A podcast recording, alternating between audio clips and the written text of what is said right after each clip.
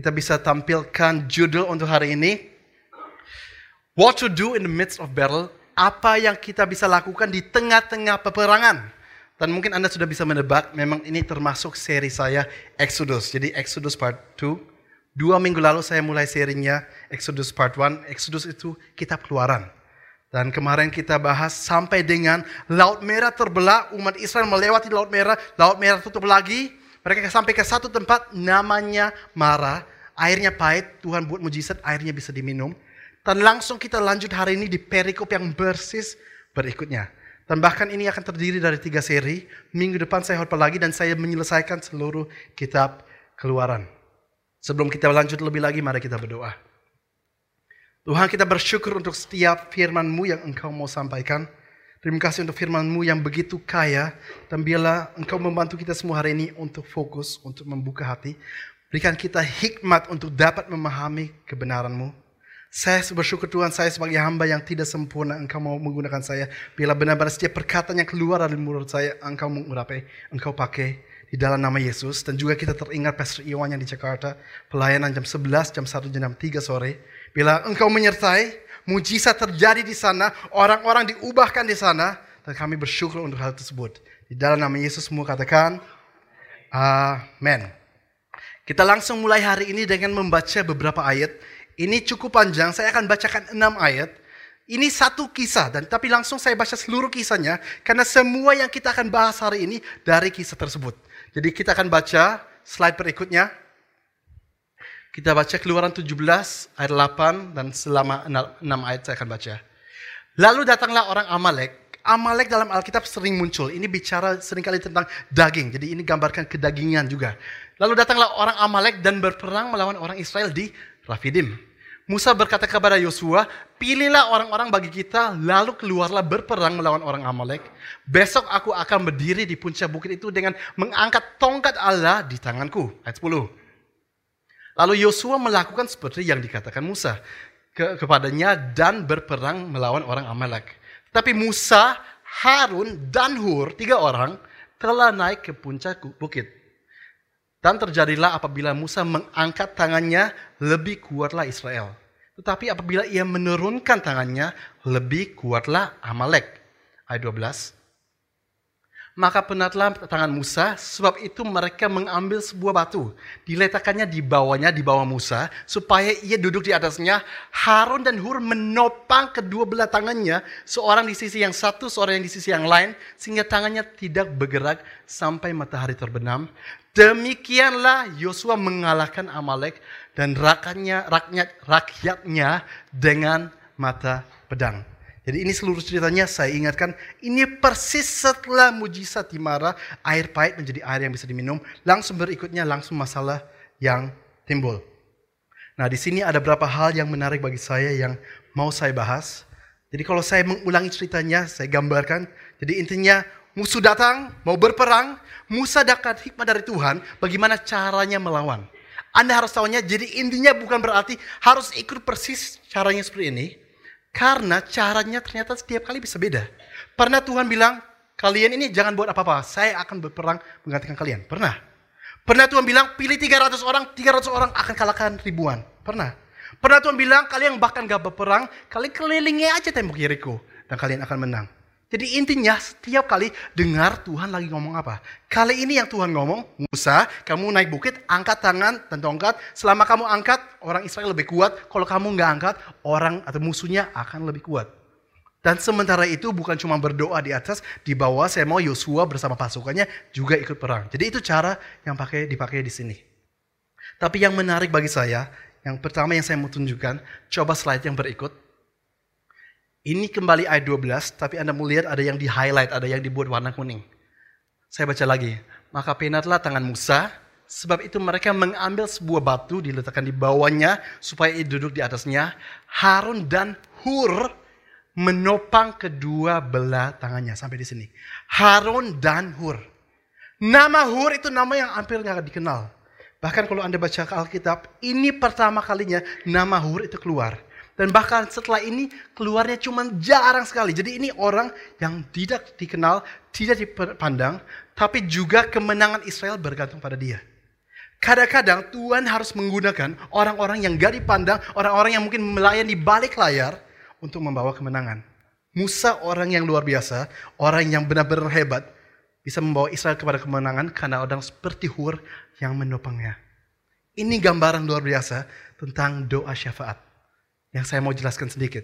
Seorang yang menopang orang lain, menolong orang lain, belum tentu kelihatan doa syafaat itu sesuatu yang orang lain nggak tahu kita lakukan. Kita capek, kita luangkan waktu, berkatnya bukan untuk kita, tapi terobosan yang terima orang lain.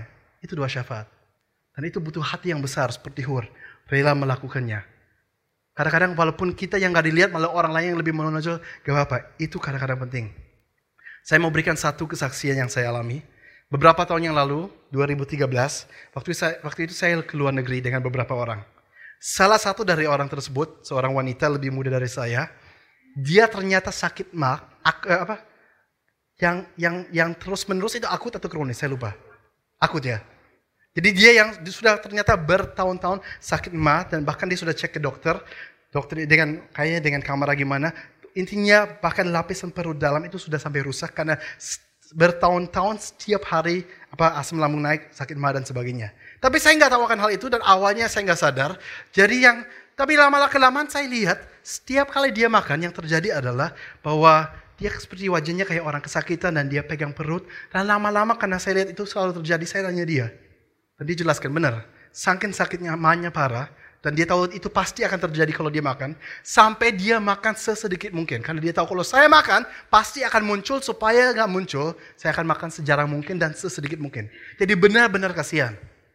Jadi kita banyak bahas, jadi saya juga cari di Google tentang masukan orang sakit mas, baiknya tindakannya harus bagi bagaimana, mungkin harus jaga makan seperti apa, and so on. Tapi yang saya lupa, saya lupa doakan dia. Sampai saya pulang ke Indonesia, terbang ke Indonesia, belum doakan dia. Saya pikir ngawur ya, saya pendeta lupa doakan orang.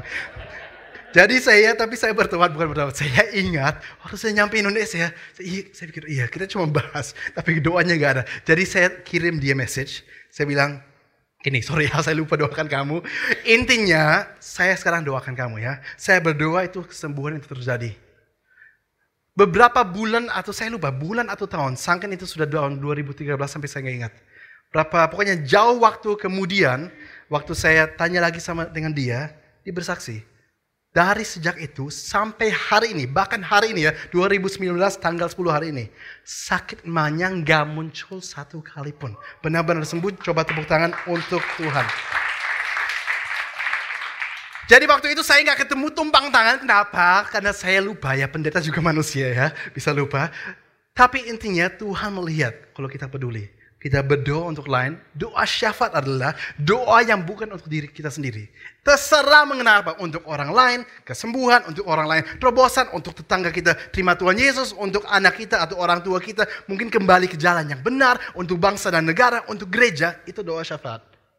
Dan jujur itu bukan sesuatu yang mudah dilakukan, karena kita manusia kecenderungannya self-centered, memikirkan diri sendiri. Doakan untuk diri sendiri aja waktunya kurang, apalagi untuk orang lain. Baca Alkitab aja kadang-kadang gak rajin, apalagi luangkan waktu untuk orang lain. Self-centered, mikirkan diri sendiri. Kalau mungkin disuruh pergi ke mall atau hal yang lain, mungkin gampang. Kalau memang enak untuk diri sendiri. Tapi sesuatu untuk orang yang lain biasanya lebih susah. Coba saya buktikan ya. Semua renungkan, gak usah ada yang angkat tangan, gak usah ada yang jawab. Seberapa banyak Anda doa syafaat untuk orang lain? Saya yakin ada beberapa, tapi pada umumnya, ya saya nggak tahu, biasanya bukan di gereja ini, biasanya selalu gereja lain kayak gitu biasanya nggak terlalu banyak yang memang melakukan. Karena memang benar, suatu yang untuk orang lain, karena manusia itu self-centered, sering kali nggak enak dan kita nggak mau melakukan. Dan di sini kita diingatkan, seorang seperti Hur nggak dikenal, tapi justru kemenangan juga datang karena ada orang-orang yang nggak terkenal, pelayannya nggak selalu harus tampil, tapi yang penting hatinya murni, dia melakukan untuk Tuhan, terobosan datang nggak apa-apa untuk orang lain. Jadi himbauan yang saya berikan hari ini, dorongan yang saya berikan untuk hari ini. Surabaya dan Indonesia dan dunia ini perlu diselamatkan. Tuhan pakai manusia. Tuhan pakai Anda. Bukan cuma perkataan Anda dan tindakan Anda, tapi percayalah bahwa doa itu kuasanya sungguh luar biasa. Kalau Anda punya waktu, doakan gereja Anda. Doakan gembala-gembala Anda. Doakan teman Anda, keluarga Anda, dan sebagainya. Terobosan mereka bisa aja datang karena ada Anda yang menopang. Gak kelihatan seperti hor, hur gak ada yang kenal, tapi terobosan datang karena Anda. Dan dunia ini semakin luar biasa. Tepuk tangan untuk Tuhan Yesus. Jadilah seperti Hur. Walaupun sebenarnya secara teologis, saya salah kalau saya katakan jadilah seperti Hur. Harusnya nggak boleh. Harusnya saya harus katakan jadilah seperti Yesus. Karena semua tokoh Alkitab, siapa pun termasuk yang luar biasa kayak Daud, kekurangannya banyak. Tapi maksud saya kita ambil hal bagusnya yang kita lihat di mereka. Kalau Hur punya hati untuk menopang walaupun gak dikenal. Itu yang kita ambil dalam hal itu jadilah. Seperti Hur yang katakan, ya, yang setuju katakan amin. Nah bulan ini, minggu lalu Pastor Iwan sudah katakan bahwa bulan ini sedikit banyak kita mau bicara mengenai relationship, hubungan. Relationship itu nggak selalu harus suami istri atau orang yang lagi pacaran. Tapi semuanya kita dengan keluarga, Kayak khotbah minggu lalu kalau Anda ingat kan Eleazar. Eleazar anaknya Harun. Kan hubungan. Atau Eleazar itu adalah ponakannya Musa. Hubungan dari hubungan keluarga. Itu relationship. Atau kita dengan teman. Atau bahkan kita dengan orang yang belum kita terlalu kenal. Tapi kita mau bawa mereka kepada Tuhan. Ya relationship itu harus ada. Ya. Di sini saya mau ingatkan begini. Seringkali kalau saya tanya jemaat, uh, yang membuat Anda senang di New Life Church apa? Kan alasan beda-beda. Tapi biasanya waktu itu alasan yang paling sering saya temukan adalah orang mengatakan karena merasa gereja ini warm. Warm itu apa? Hangat. Gereja ini welcome. Gereja ini peduli. Dan boleh dulu tepuk tangan untuk diri Anda sendiri. Tapi do doa saya, impian saya, harapan saya itu terus ke depan pun ini akan menjadi gereja yang warm. Dan ini butuh keterlibatan dari kita semua yang ada di sini. Ada satu pelayanan di sini, satu ministry, namanya uh, congregation ministry. Namanya susah, namanya panjang. Bahasa Indonesia apa? Pelayanan jemaat. Terutama jemaat baru. Anda tahu kalau selesai khotbah, ada satu orang naik biasanya ke sini untuk welcoming, ya kan? Untuk menyambut antara lain orang baru. Terus ditanya, siapa yang hadir untuk pertama kalinya boleh angkat tangan. Terus biasanya setelah itu yang lain tepuk tangan, terus ada kartu yang diberikan kepada mereka yang bisa diisi. Mereka turun ke bawah, ditukarkan dengan souvenir dari New Life Church. Tujuan kartunya apa? Supaya kita tahu nama mereka, kita bisa konekkan mereka juga dengan Komsel, live group namanya di sini. Nah, itu memang bagus. Jadi katakan mereka pulang, namanya terisi, kita tahu nomor telepon mereka, kita bisa telepon, kita tanya kamu datang ke sini, apakah memang cuma jalan-jalan ke Surabaya atau memang orang Surabaya cari gereja, ya udah, boleh nggak kita juga konekkan dengan live group? Itu bagus, tapi saya katakan lebih bagus lagi sebenarnya kalau kita semua terlibat untuk menyambut mereka, bukan cuma di hari kerja nanti lewat telepon dari kantor gerejanya. Yang pelayanan congregation ministry setiap ibadah itu dua orang. Tapi apa kalau yang kadang-kadang terjadi yang orang baru lagi enam orang, delapan orang. Kah mungkin mereka bisa ketemu satu persatu lagi ngomong sama orang yang satu, yang satunya sudah pulang. Jadi tuju, tu, tugas kita semua yang hadir hari ini, kalau kita Jumat lama, saya minta setiap kali selesai ibadah, kan tadi kita lihat siapa yang orang baru datang kan biasanya angkat tangan. Kita pas acara itu yang pas angkat tangan, jangan lihat ke depan kepada orang yang membawa announcement tersebut yang lagi welcome, tapi lihat kiri, kanan, depan, belakang, apakah tadi ada yang angkat tangan. Dan selesai ibadah, kita pun ikut terlibat ngobrol mereka, ajak ngobrol. Bukan ajak ngobrol secara terpaksa karena disuruh oleh saya, enggak. Tapi karena kita menjadi anak Tuhan yang peduli. Benar-benar peduli, kita pengen tahu orangnya dari mana, ajak ngobrol dan sebagainya. Kalau apalagi terutama Anda disciple tergabung dalam life group, ya Anda lebih ngerti lagi mengenai hal tersebut. Coba tanya aja tinggal di mana. Kalau life group Anda dekat dengan sana, Anda ajak life group Anda. Kalau orangnya tinggal jauh dari life group Anda, Anda kan kenal life group life group lain. Dikonekkan dengan orang lain supaya hari itu langsung dia merasa welcome. Jangan tunggu sampai nanti ditelepon. Berapa orang malah nggak suka ditelepon. Kerasanya kayak orang asuransi mau tawarkan sesuatu, ya kan? Lebih enak kita hangatnya di sini dulu langsung hari pertama. Yang setuju katakan amen. Jadi pertama kita belajar dari Hur. Di balik layar orang gak terkenal tapi membawa kemenangan juga. Dia salah satunya. Kita punya hati yang sama. Kita rela Walaupun bukan untuk kita, kita melayani. Walaupun untuk kepentingan orang lain. Karena itulah anak Tuhan. Kasih itu memberi. Bukan cuma menerima. Kata Yesus lebih baik memberi daripada menerima. Kita anak Tuhan akan banyak menerima. Tapi kita juga harus banyak memberi. Semua yang setuju katakan amin. Oke berikut. Keluaran 17 sekarang ayat 13. Nah bagian atas kita sudah baca tadi ayat 12-nya sekarang ayat 13. Demikianlah Yosua mengalahkan Amalek dan rakyatnya dengan mata pedang. Memang di saat ini waktu Tuhan memberikan arahan ke Musa bagaimana cara berperang, kali ini caranya terdiri dari dua part, dua bagian.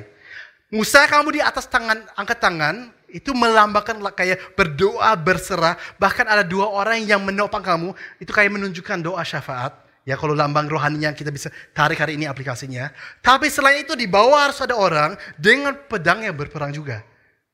Jadi ini bicara kepada kita mengenai ini gambaran menurut saya lengkapnya bagus sekali mengenai doa peperangan atau mengenai spiritual warfare.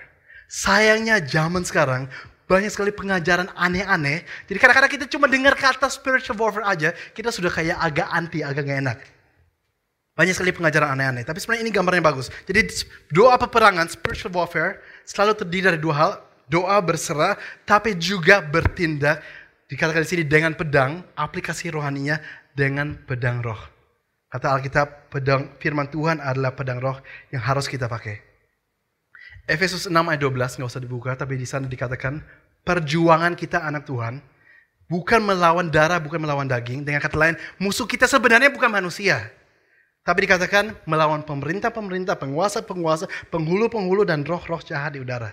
Jadi bahkan iblis itu dia punya struktur kerajaan. Dari yang paling kuat sampai yang gak kuat. Itu musuh kita yang sebenarnya. Tapi sangkan dia berusaha menipu kita, kita sudah terlalu capek dengan gesekan dengan orang lain. Malah di balik itu kita gak melihat bahwa kita mungkin gak melayani dan banyak hal sebagainya. Dia sudah menang. Musuh kita sebenarnya bukan manusia. Kata yang sebenarnya itu adalah iblis, roh-roh jahat di udara dan sebagainya. Sekarang ada pengertian beda-beda mengenai peperangan rohani. Ada pengertian yang biasanya itu banyak orang yang seperti yang di Europe yang pegang hal ini bahwa mereka sama sekali nggak percaya dengan hal tersebut. Jadi bisa dikatakan ekstrim satunya. Sama sekali nggak percaya karena kenapa? Europe memang adalah kebanyakan negara di mana orang nggak beragama, nggak ber beragama. Bahkan walaupun banyak bilang orang Kristen, kenyataan orang Kristen di Jerman itu hampir nggak ada. Itu Kristennya cuma di KTP aja. Dalam hatinya ditanya percaya Tuhan nggak? Ya nggak percaya. Jadi ada ekstrim satunya gak percaya sama sekali, ada ekstrim satunya lagi terlalu percaya dengan iblis dan hal-hal yang seperti itu. Saya nggak bicara cuman anak Tuhan, tapi katakan ini secara umum dulu. Jadi berekstrim satunya berlebihan percaya kepada iblis.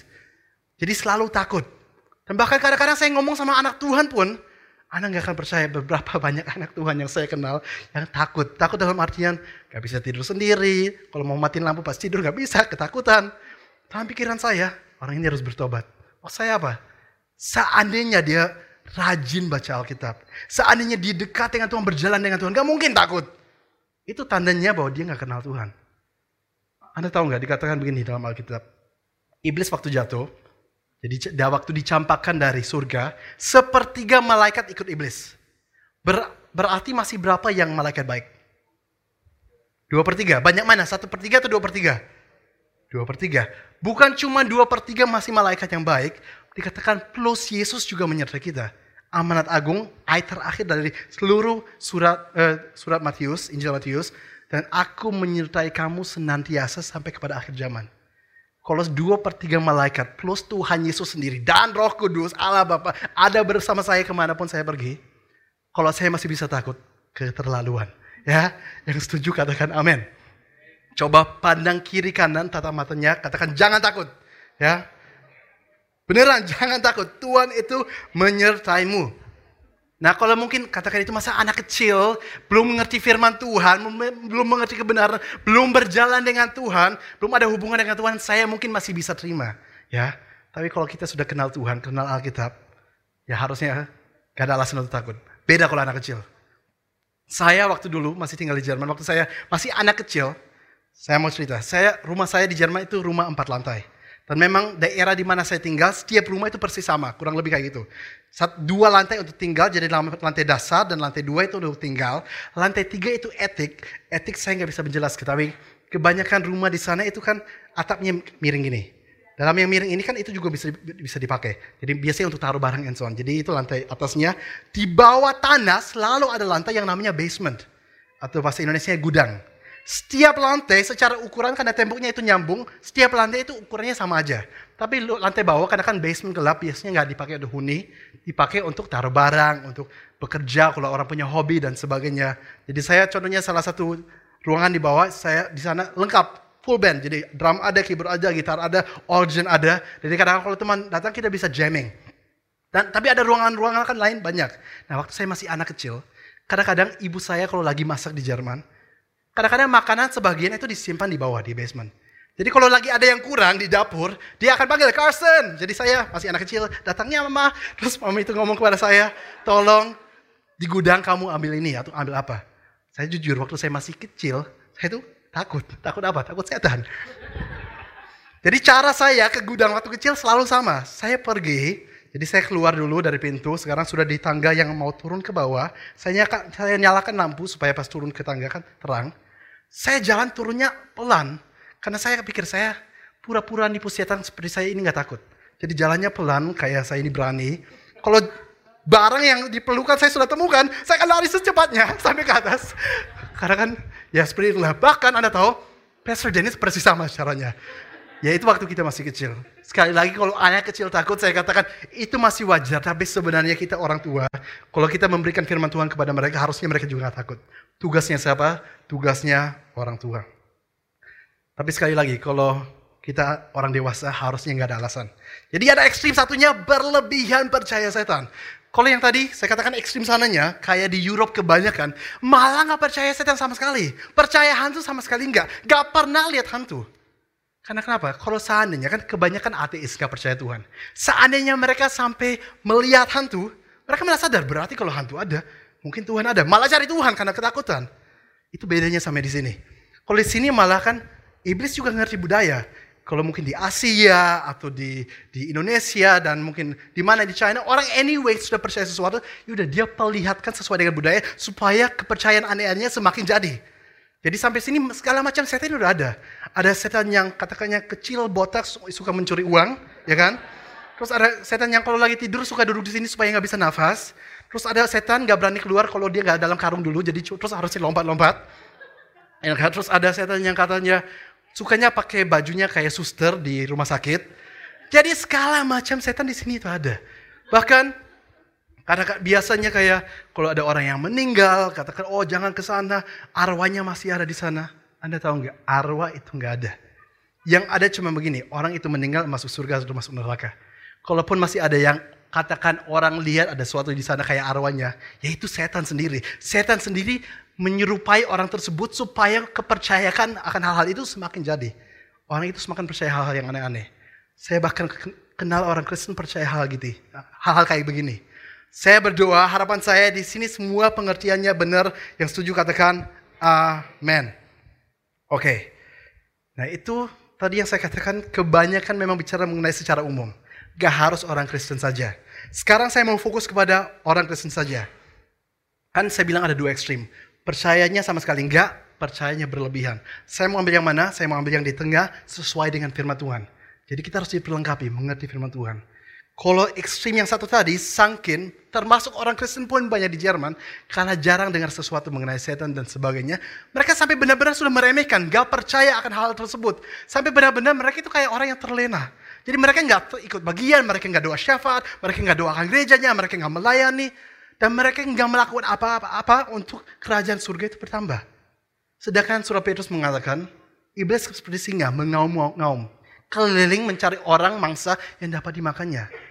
Kitalah anak Tuhan bagiannya untuk memperlengkapi orang lain. Supaya mereka tahu di dalam Tuhan otoritas mereka lebih kuat. Supaya mereka nggak termakan oleh setan. Kalau kita nggak ambil bagian, siapa yang ambil bagian? Jadi jangan sampai kita di ekstrim sirinya sangkin meremehkan. Oke? Okay? Bahkan ada satu ayat di dalam Matius di dalam Matius berapa ya? Saya sampai saya tulis nggak di sini? Oke, okay, saya nggak tulis, saya lupa. Tapi dalam Matius di sana dikatakan begini. Yesus lagi bicara sama dengan dengan Petrus. Yesus tanya, Petrus menurutmu saya ini siapa? Yesus bilang, engkau adalah Mesias. Petrus bilang, engkau Mesias. Terus Yesus jawab begini, atas batu karang ini, atau atas pernyataanmu bahwa saya ini adalah Mesias, saya akan dirikan gerejaku dan gerbang maut gak dapat menguasainya. Pernah dengar? The gates of hell shall not prevail against it. Gerbang maut gak dapat menguasai gereja Tuhan ini. Seumur hidup dulu saya selalu berpikir kayak gini. Oke, okay, berarti kita orang ini, kita kayak defensif. Kita kuat di dalam Tuhan dan iblis dan kerajaannya dan alam mautnya gak bisa menguasai kita. Tapi pengertiannya salah. Kalau dikatakan gerbang maut, bahasa aslinya bukan cuma alam maut, tapi gerbang maut gak dapat menguasainya, saya mau tanya, gerbang maut itu di, itu di wilayah mana? Wilayah kita atau wilayah maut? Gerbang maut itu di wilayah maut. Jadi sebenarnya mereka yang bertahan, yang berusaha bertahan. Kita yang maju, bukan mereka yang maju dan kita bertahan. Tapi kita yang maju, mereka yang bertahan. Dan bahkan bertahan pun mereka nggak bisa. Gerbang mautnya, gerbang mereka pun, pintu mereka gak dapat bertahan, roboh, akan rusak. Tapi gimana akan terjadi kalau kita anak-anak Tuhan gak ter terlibat? Sampai Yesus bilang ini ke murid-murid. Berdoalah supaya Bapak yang punya mempunyai hamba-hamba tuayan, supaya dia mengutus hamba-hambanya Hamba-hambanya siapa? Kita semua yang ada di sini. Kita ikut serta, bersaksi, mendoakan, terlibat. Untuk semakin banyak orang masuk surga. Surga semakin ramai, neraka semakin sepi. Yang setuju tepuk tangan untuk Tuhan Yesus. Jadi ekstrim satunya seperti gak selalu, tapi kebanyakan orang di Europe memang termasuk orang Kristen pun gak terlalu percaya kayak hal-hal kayak gitu. Padahal ada. Jelas-jelas dia katakan musuh kita bukan darah, bukan daging, tapi penghulu-penghulu pemerintah-pemerintah roh-roh. Jadi bicara tentang iblis. Kalau sisi satunya tadi ada orang-orang terutama dalam gereja yang kepercayaannya berlebihan. Jadi sedikit-sedikit bahkan iblis gak salah pun disalahkan iblis. Mungkin karakternya gak berubah disalahkan iblis. Padahal kata Alkitab enggak, kamu baca firman Tuhan, kamu hidup sesuainya, kamu berubah. Jangan sedikit-sedikit iblis dibuat tumbal. Memang dia jahat, tapi dia nggak salah dalam segala hal. Kita juga punya kehendak bebas. Oke? Okay? Jadi ini kalau yang berlebihan. Bahkan kalau bicara yang mengenai yang berlebihan, banyak kali saya melihat, walaupun saya bersyukur di gereja ini memang saya nggak melihat. Dan saya percaya itu mungkin juga, atau pasti juga, karena kita memberikan pengajaran yang benar dalam hal ini. Tapi kadang-kadang kalau saya melayani di gereja lain, dan dari pengalaman saya dulu, saya banyak melihat orang yang sukanya tengking-tengking. Tengking-tengking. Pernah tahu nggak? Ke mana pun pergi tengking. Masuk ruangan belum pernah masuk tengking. Lagi gelap tengking. Mau nonton bioskop tempat yang gelap tengking. Orang lagi cuman apa namanya bersin. Haji tengking. Jadi benar-benar sampai nggak masuk akal. Saya bersyukur sekali lagi di sini saya nggak melihat. Tapi mungkin dari pengalaman anda, anda pun kenal orang seperti itu. Itu biasanya kalau memang bertumbuh di satu tempat di mana pengajarannya itu nggak sesuai. Jadi hari ini kita mau belajar mengenai peperangan rohani yang alkitabiah, yang sesuai, yang gak lebay, yang benar-benar. Oke, coba kita lihat aja. Slide yang berikut. Spiritual warfare atau bahasa Indonesia peperangan rohani. Nah sebelum saya jelaskan ada beberapa poin yang sekarang akan keluar. Beberapa waktu, beberapa tahun yang lalu, saya sampai lupa kapan, saya pernah panjang lebar berkhotbah, saya butuhkan satu khotbah sepenuhnya untuk menjelaskan mengenai Yesus di padang gurun, Anda ingat berpuasa 40 hari dan dicobai oleh iblis. Dan waktu itu saya jelaskan panjang lebar. Hari ini saya mau merangkum 5 menit saja untuk menunjukkan beberapa poin. Jadi kalau Anda ingat, Yesus berpuasa 40 hari, dia lapar.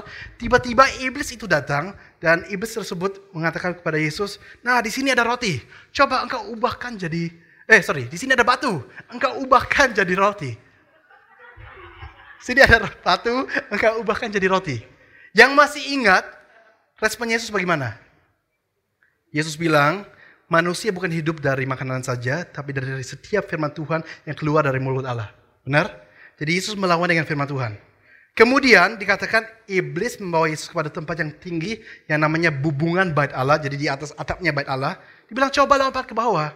Karena ada firman Tuhan yang yang mengatakan sekarang Yesus eh, sekarang iblis mengutip Mazmur 91. Jadi iblis itu bisa mengutip firman Tuhan. Dikatakan lompat aja sebab ada tertulis bahwa malaikat-malaikat akan menatang engkau atas tangannya supaya kakimu nggak terantuk pada batu. Dia, dia kutipnya persis sesuai. Tapi jawabannya sebagaimana responnya? Ada pula tertulis, jangan mencobai Tuhan alamu. Jadi kalau kita nggak hati-hati, orang lain dan iblis pun bisa menipu kita dengan firman Tuhan. Itu sebabnya pengajaran harus benar, harus sehat. Ada pula tertulis. Habis itu iblis datang satu kali lagi, tapi Yesus malah sudah malas langsung diusir ya. Langsung diublis, terus, terus dikatakan iblis itu pergi. Memang iblis gak bisa apa-apa, kuasa dia memang sudah dihancurkan. Melawan Yesus, melawan kita anak Tuhan memang gak bisa. Asal kita punya pengertian yang benar. Nah dari sini kita melihat peperangan rohani yang sehat, yang alkitabiah, yang gak lebay, yang bukan cuma tengking-tengking, itu seperti apa? By the way, saya bukan berarti anti tengking. Ada saatnya kalau saya doakan orang kerasukan, saya juga tengking. Saya nggak pernah, saya nggak mungkin. Tolongnya iblis keluar dong. ya nggak mungkin. Saya pasti ngomongnya juga suara ekspresi saya itu sesuai dengan situasi, dengan sesuai dengan situasi. Keluar dalam nama Yesus. Jadi ada saatnya untuk tengking. Tapi bukan kita jadi orang Kristen aneh-aneh ke mana pun thinking-thinking. Jadi supaya kita tahu yang sehat, spiritual warfare, peperangan rohani yang benar sesuai Alkitab, sesuai teladan Yesus adalah begini. Nomor satu, ditampilkan, know the word, mengenal firman. Setiap kali iblis datang, Yesus melawannya cuma dengan satu. Bukan dengan hikmatnya sendiri, bukan dengan cara apa pun. Dia kenal firman Tuhan dan firman Tuhan tersebut disampaikan. Benar? Setuju semua sampai sini ya. Tapi sampai di sini nggak cukup. Yang kedua yang Yesus lakukan, atau yang ada pada Yesus nomor dua, believe the word atau percaya firman. Kita tahu Yesus itu bukan cuma sekedar kutip, ucapkan, tapi kita tahu bahwa dia itu percaya firman tersebut. Karena mengenal firman, tanpa percaya firman gak ada kuasanya. Kayak Farisi-Farisi mengenal firman tapi gak benar-benar percaya, Yesus katakan kalian ini lebih parah daripada orang penjahat. Mereka paling gak masih mau bertobat. Kali ini kasih pun gak ada. Mereka kenal firman tapi gak menghidupi, gak, gak percaya. Ada satu cerita yang bagi saya lucu.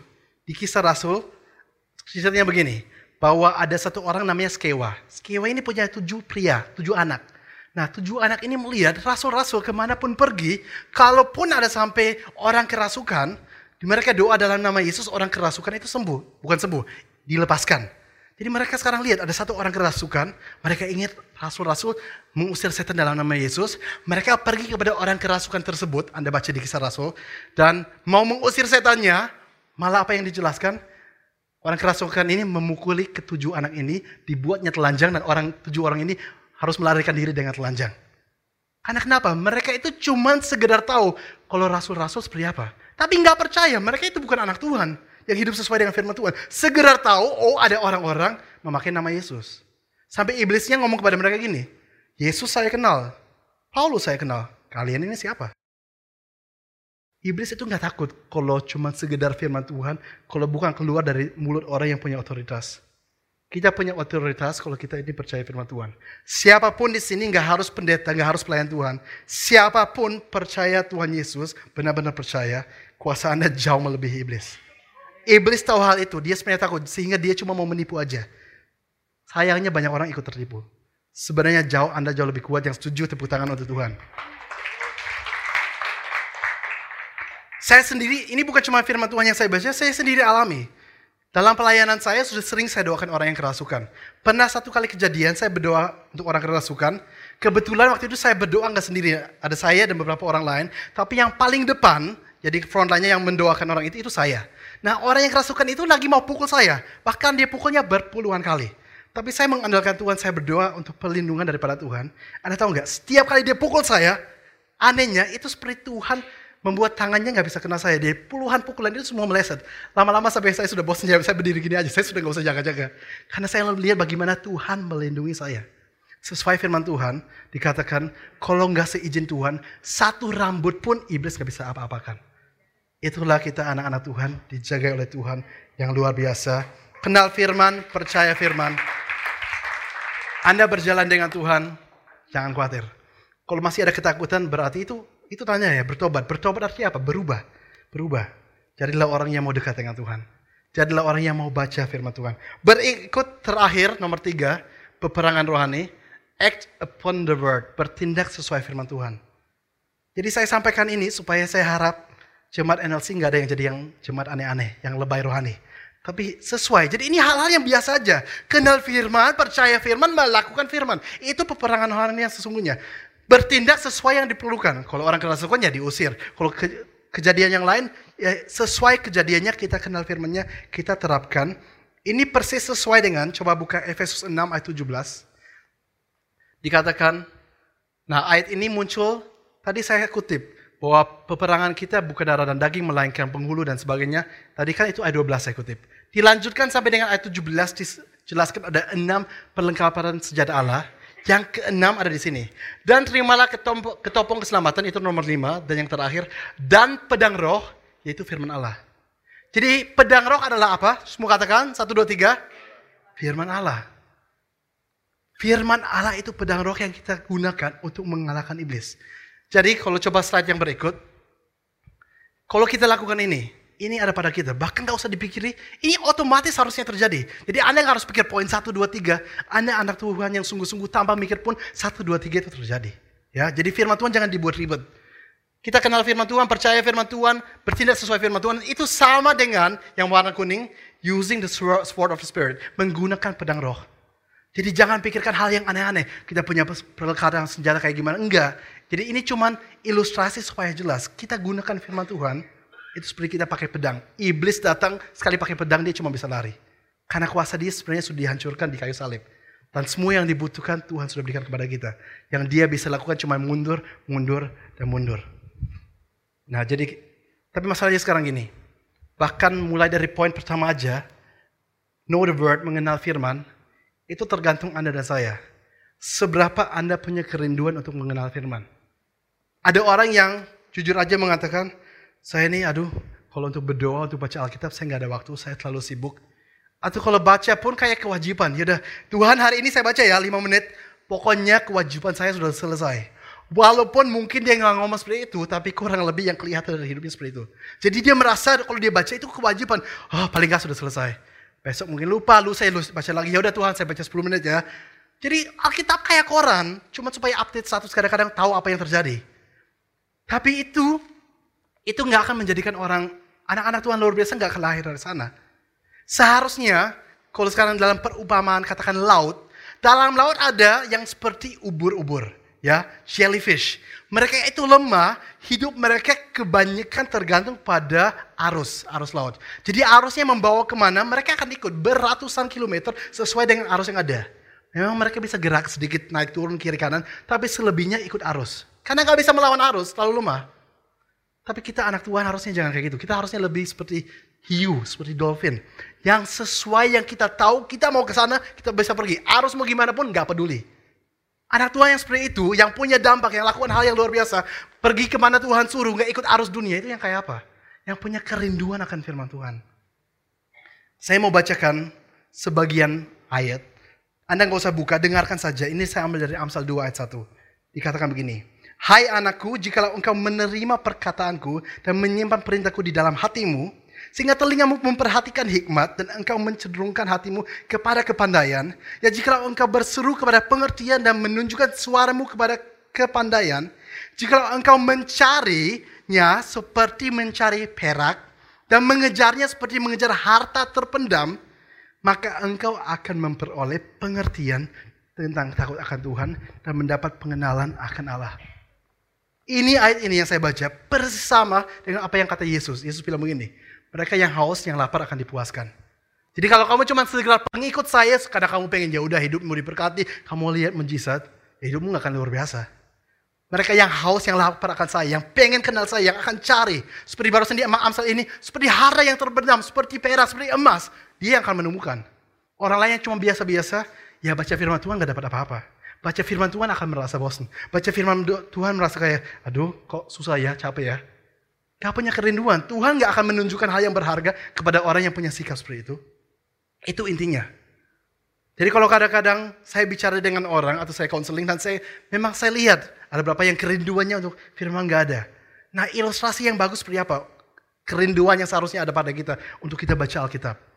Kan Amsal tadi saya baca katakan, kalau kita mencarinya seperti orang dunia cari harta, cari harta terpendam, cari emas, cari perak. Kalau kita cari firman Tuhan seperti itu, maka kita akan menemukan dan akan luar biasa sekali. Dan kita baca dan kita merasa Tuhan ngomong kepada kita dan kita dituntun dan banyak hal sebagainya. Kita merasakan kasih Tuhan hanya dari baca Alkitab. Contohnya begini. Katakan Anda dapat berita, dengar di tempat di mana Anda tinggal. Katakan Anda punya rumah besar dengan halaman garden yang besar. Dan Anda dengar ternyata berapa puluh atau berapa ratus tahun lalu ada orang-orang mereka menyembunyikan harta di dalam, di bawah tanah Anda. Di garden Anda emas, perak, brilian, diamonds, semuanya ada banyak sekali. Anda dengar dan bahkan ada katakan seandainya di Surabaya ada hukum yang mengatakan harta apa pun yang kita temukan di garden kita itu menjadi milik kita, kita nggak usah serahkan kepada negara. Seandainya ada hukum seperti itu. Jadi Anda mulai kan pasti cari, Anda gali, temukan emas sebesar ini. Saya nggak tahu kalau emas sebesar ini itu nilainya berapa. Saya tebak triliunan mungkin, minimal miliaran. Oke, dan Anda tahu itu baru sebagian kecil dari yang ada di garden Anda. Masih ada banyak hal yang lainnya. Jadi ini cukup untuk membiarkan anak Anda sekolah. Bahkan Anda mau punya anak 20 pun aman. Ini uangnya lebih dari cukup. Dan untuk semua yang Anda perlukan atau butuhkan ke depan, gak usah khawatir. Dan Anda tahu ini baru bagian kecil, masih banyak hal yang lain di dalam gardennya. Dan katakan diberikan waktu kepada Anda cuma waktu satu bulan, karena setelah itu, apa pun yang ditemukan milik negara. Saya yakin gak ada satupun di ruangan ini yang akan mengatakan, sorry ya saya gak ada waktu, saya ini harus belanja, saya ini harus bekerja, saya harus ini apa. Gak mungkin. Anda pasti akan cari, kalau perlu, panggil teman-teman, kumpul bersama. Kayak orang lain Bible sedih, ada kumpul bersama untuk mencari harta. Pasti iya kan? Gak mungkin ada yang enggak. Kata Amsal tadi, seandainya cara kita mencari Tuhan, mencari firman Tuhan, sama seperti orang dunia mencari harta. Kita akan temukan. Kalau kita ini nggak punya gairah untuk Tuhan, ya jangan heran kita baca Alkitab kita bosan-bosan aja. Yang haus, yang lapar akan kebenaran akan dipuaskan. Tapi saya tahu kita juga harus lihat realita. Ada orang mengatakan, saya ini tapi memang sibuk. Saya ini bekerja, saya ini harus urusin anak-anak, saya ini harus mungkin masak atau apa pun juga. Pernah Yesus pergi ke satu rumah, ada dua perempuan di dalamnya mengalami hal yang sama. Anda ingat gak siapa? Maria dan Marta. Marta itu ngomel sama Yesus, Yesus kenapa engkau izinkan? Saya ini sibuk masak untuk kalian semua, tapi Maria itu cuma duduk di kakimu mendengarkan engkau. Yesus bilang apa? Marta, Marta, Marta, kamu sibuk dengan banyak hal, tapi ada yang lebih perlu. Dan Maria sudah ambil bagian yang lebih baiknya. Saya yakin kalau seandainya kita cross check dengan Tuhan, ada saja bagian dalam hidup kita yang harusnya tidak perlu. Sesuai kata Yesus, ada yang lebih perlu. Memang kita sibuk mungkin. Mungkin pekerjaan banyak and so on. Tapi masa kan kita nggak ada waktu sama sekali untuk Tuhan? Sedangkan Instagram setengah jam sehari bisa. Plus pergi nonton bisa. Youtube sejam bisa dan banyak hal sebagainya. Seringkali sibuk itu alasan. Di mana kita nggak prioritaskan Tuhan saja. Kenyataannya sering kali seperti itu. Amin.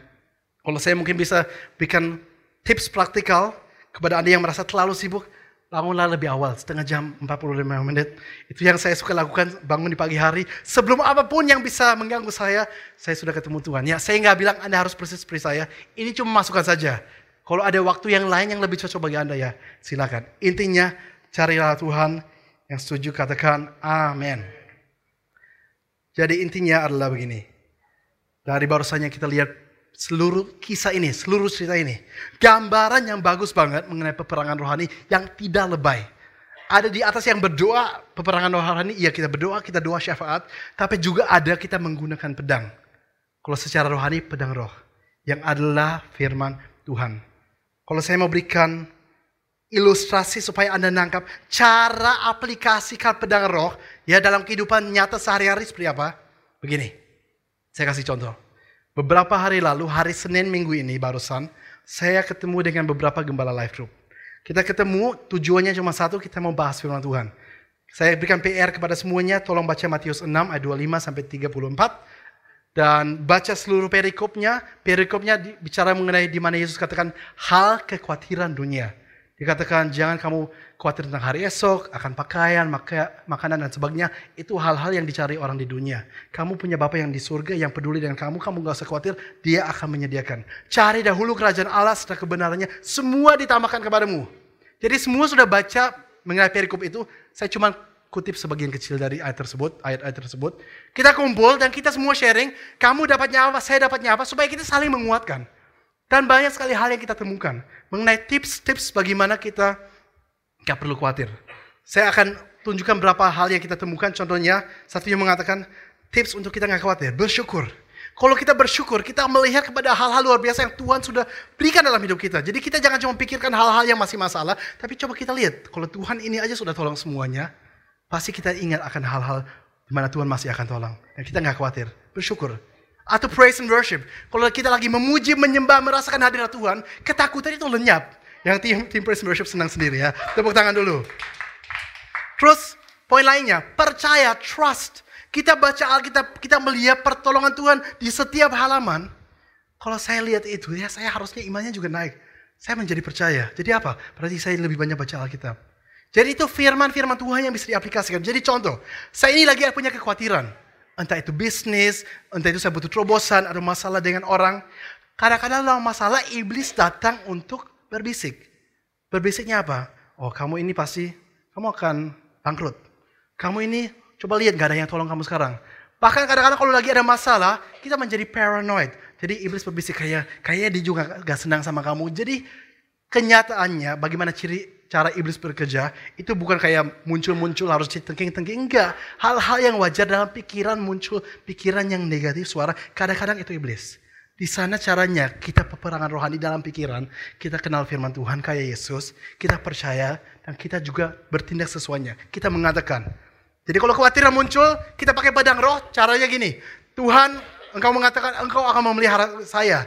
Engkau peduli dengan saya. Kalau setiap orang lain tolong, saya juga ditolong. Kita katakan firman-firman Tuhan. Itu caranya kita menggunakan pedang roh. Jadi bukan hal yang aneh-aneh bagaimana. Ayat terakhir untuk hari ini, Yakobus 4 ayat 7. Dan saya minta tim praise and worship sudah boleh maju ke depan. Saya baca. Karena itu tunduklah kepada Allah dan lawanlah iblis, maka ia akan lari kepadamu. Ayat ini merangkum seluruh khutbah saya hari ini. Terutama yang bagian peperangan rohani. Tunduk kepada Allah sama dengan saya tahu firmannya, saya percaya firmannya, saya melakukan firmannya. Itu tunduk kepada Allah. Jadi dengan kata lain, Anda jadi anak Tuhan yang melakukan firman. Akibatnya apa? Iblis akan lari daripadamu. Kuasanya sudah dihancurkan. Kita tinggal hidup aja sesuai dengan apa yang Tuhan bilang. Yesus sudah menang di kayu salib, kita tinggal nyatakan. Dia sudah punya kuasa. Sebenarnya dia cuma bisa lari. Yang setuju katakan amin.